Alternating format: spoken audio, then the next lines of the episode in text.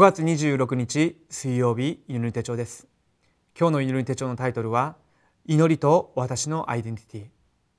聖書の箇所はマタイ16章16節です。シモン・ペトロが答えていったあなたは生ける神の御子キリストです。私たちが自分に与えられている立場と自分の年齢それを考えるときにそれに見合った祈りの水準があるべきだと思います。もし皆さんが小学生であればお父さんやお母さんに祈ってもらうだけでそれが帝国の祈りになるかもしれません。食事の前にする祈りそれも帝国の祈りに含まれるかもしれません。ですけれども皆さんが青少年あるいは大学生になった時にも同じ水準であれば実際のところ福音を味わうだとか現場で答えを受けるというのは難しいかと思います。私の自分自身のアイデンティティに見合う祈り。それを私が少しだけ探し出すことができるんであれば重要な答えの門が開かれると思います。ダニエルのような場合はまだ青年でしたけれどもバビロニアの捕虜とされたその時に重要な祈りの時間を持ってました。自分の命を懸けてもこのバビロニアで仕えている偶像に仕えないでいつかイスラエルの国が回復されることを願いながらエルサレムの神殿に向かって窓を開いて日に3度どういうことがあったとしても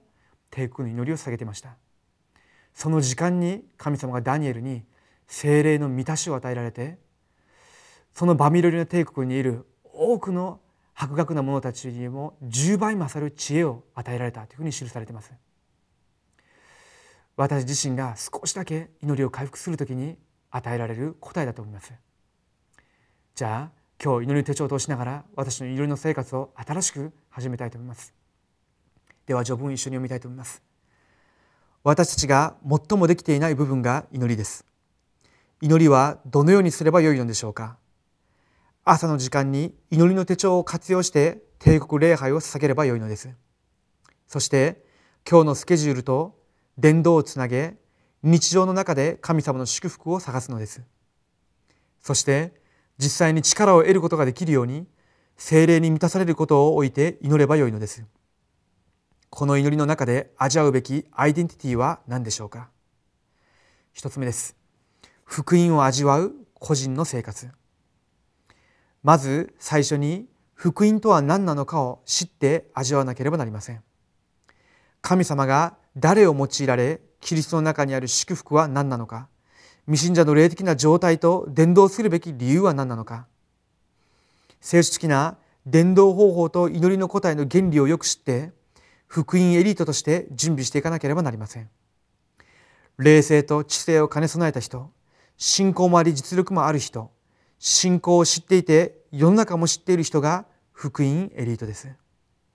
聖書を見ると7人のレモナンたちは一人も例外なくこのような部分を備えてたものだと思います。それであれば日本という世界の中でも有数の先進国でありと知識人エリート階級が国を犯しているそういう国じゃないでしょうか。その現場の中で本当に伝道者として福音を伝えようとするんであれば信仰と実力霊的な部分と世の中両方を見ることができる目と力がなければならないです。そのために少しだけ私たちが福音の中で自分に与えられているアイデンティティ自分の立場それに見合った祈りの生活を回復することができるんであれば重要な力を神様が与えられるはずです。では2つ目です。福音を味わう家庭生活。福音を味わう家庭生活でアイデンティティを見つけ出さなければなりません。私たちは経済の部分で契約を握らなければなりません。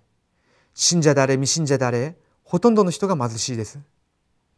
経済を知り、多くの考えを持って祈らなければ、未信者に負けて大きな困難に遭うようになります。これから先、配偶者のためにも重要な祈りを始めなければなりません。お互いにフォーラムを通して、配偶者にある神様の形を見つけて、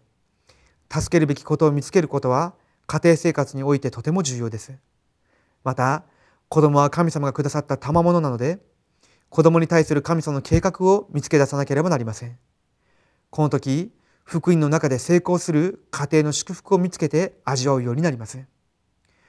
もし皆さんの中で自分の家庭環境はあまり良くなかったと思う人であればあるほど自分の個人の生活家庭生活要するに未来の配偶者と結婚した後子供をどういうふうに育てるべきかそういう絵をよく描いていくべきだと思います。自分が経験してきた部分否定的な部分暗い部分その部分とある意味全く反対の道に行くように福音の中で傷を覆っていくんではなくて福音の中でそれを全部土台にして全く反対の方向に進んでいくように絵を描きながら祈ることができるんであれば神様に祝福された家庭を築けるようになると思います。特に、えー、青年の方々はこの部分に対して深い考えが必要じゃないかと思います。誰彼構わず付き合ってしまうようなそういう生き方をしてるんであれば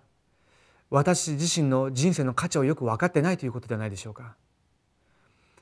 青年の時期に本当に福音の中でどのように家庭を持つべきか福音を味わう家庭生活をどのようにして、え作っていくことができるのかそういった部分に対する考えを持って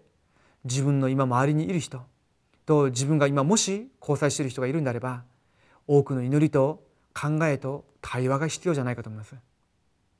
では3つ目です。福音を味わう教会生活。教会で見つけ出さなければならないことは何でしょうか。アンテオキ教会を通して世界福音化の門が開かれました。教会を通して初代教会の住職者たちはどんなことをしたのか。全世界を生かす地教会運動とは何なのか。レムナント運動の意味を見つけ出さなければなりません。そうしてこそ正しい教会生活をすることができます。私たちが教会生活に成功しようとするんであれば福音を味わう教会生活をしようとするんであれば必ず未来を見る目があるべきだと思います。また未来のために備える信仰があるべきです。その一つ目が世界福音化の契約を神様が今も教会を通して成就していらっしゃるということです。特に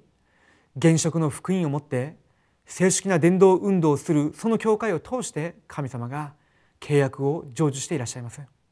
その中心に今私たちがいるということです。それであれば私と皆さんを未来どのように用いられるのか。住職時代初代教会が起こしたその地教会運動を神様が日本列島全地域で開いていくことを願っていらっしゃいます。その理由が何ですか？地域の偶像の文化暗闇の文化を打ち砕いてその地域を生かしていくために地域にいるレムナントたちを生かしていく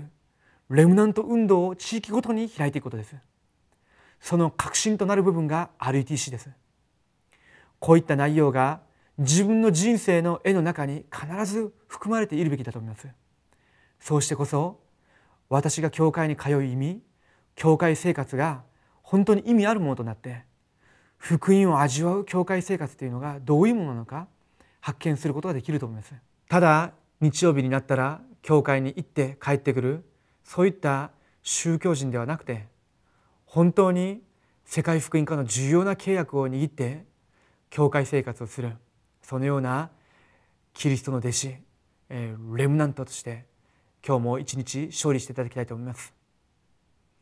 では今日のフォーラムの主題です。毎日祈りで一日を始め祈りで一日を終わらせ祈りで一日の導きを受けるならば必ず勝利します。その中で私を見出すことがとても重要です。祈りの中で私のアイデンティティを深く黙想してみましょう。ではお祈りします。父なる神様に感謝を下げます。今日も私たちが祈りを通して自分のアイデンティティを正しく確認できるように導いてくださりこれから本当に私たちが個人の生活家庭生活教会生活を通しながら神様が私たちにどのような答えを与えようとしていらっしゃるのかその絵を描きつつ自分自身を準備していくことができるように今日一日神様が祝福してください。最高の一日としてください精霊で満たしてくださり